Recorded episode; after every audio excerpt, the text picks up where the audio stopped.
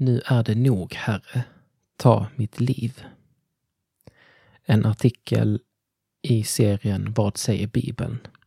Versen är hämtad från Första Kungaboken 19, vers 4. Bibelns människor är inga superhjältar.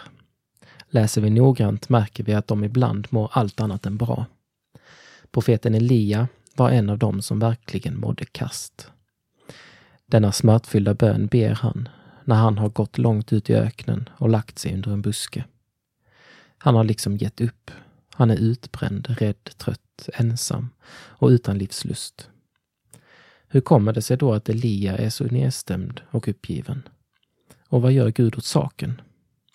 Det märkliga är att Elia precis haft en stor framgång.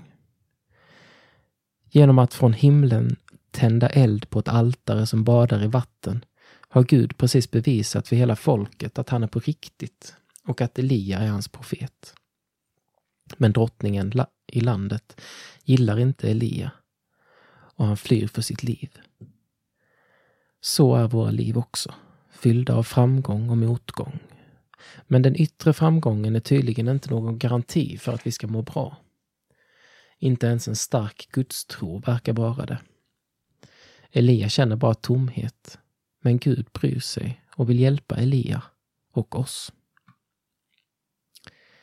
Gud svarar på bönen på tre sätt. 1. Han sänder en ängel som ger Elia nybakat bröd och friskt vatten.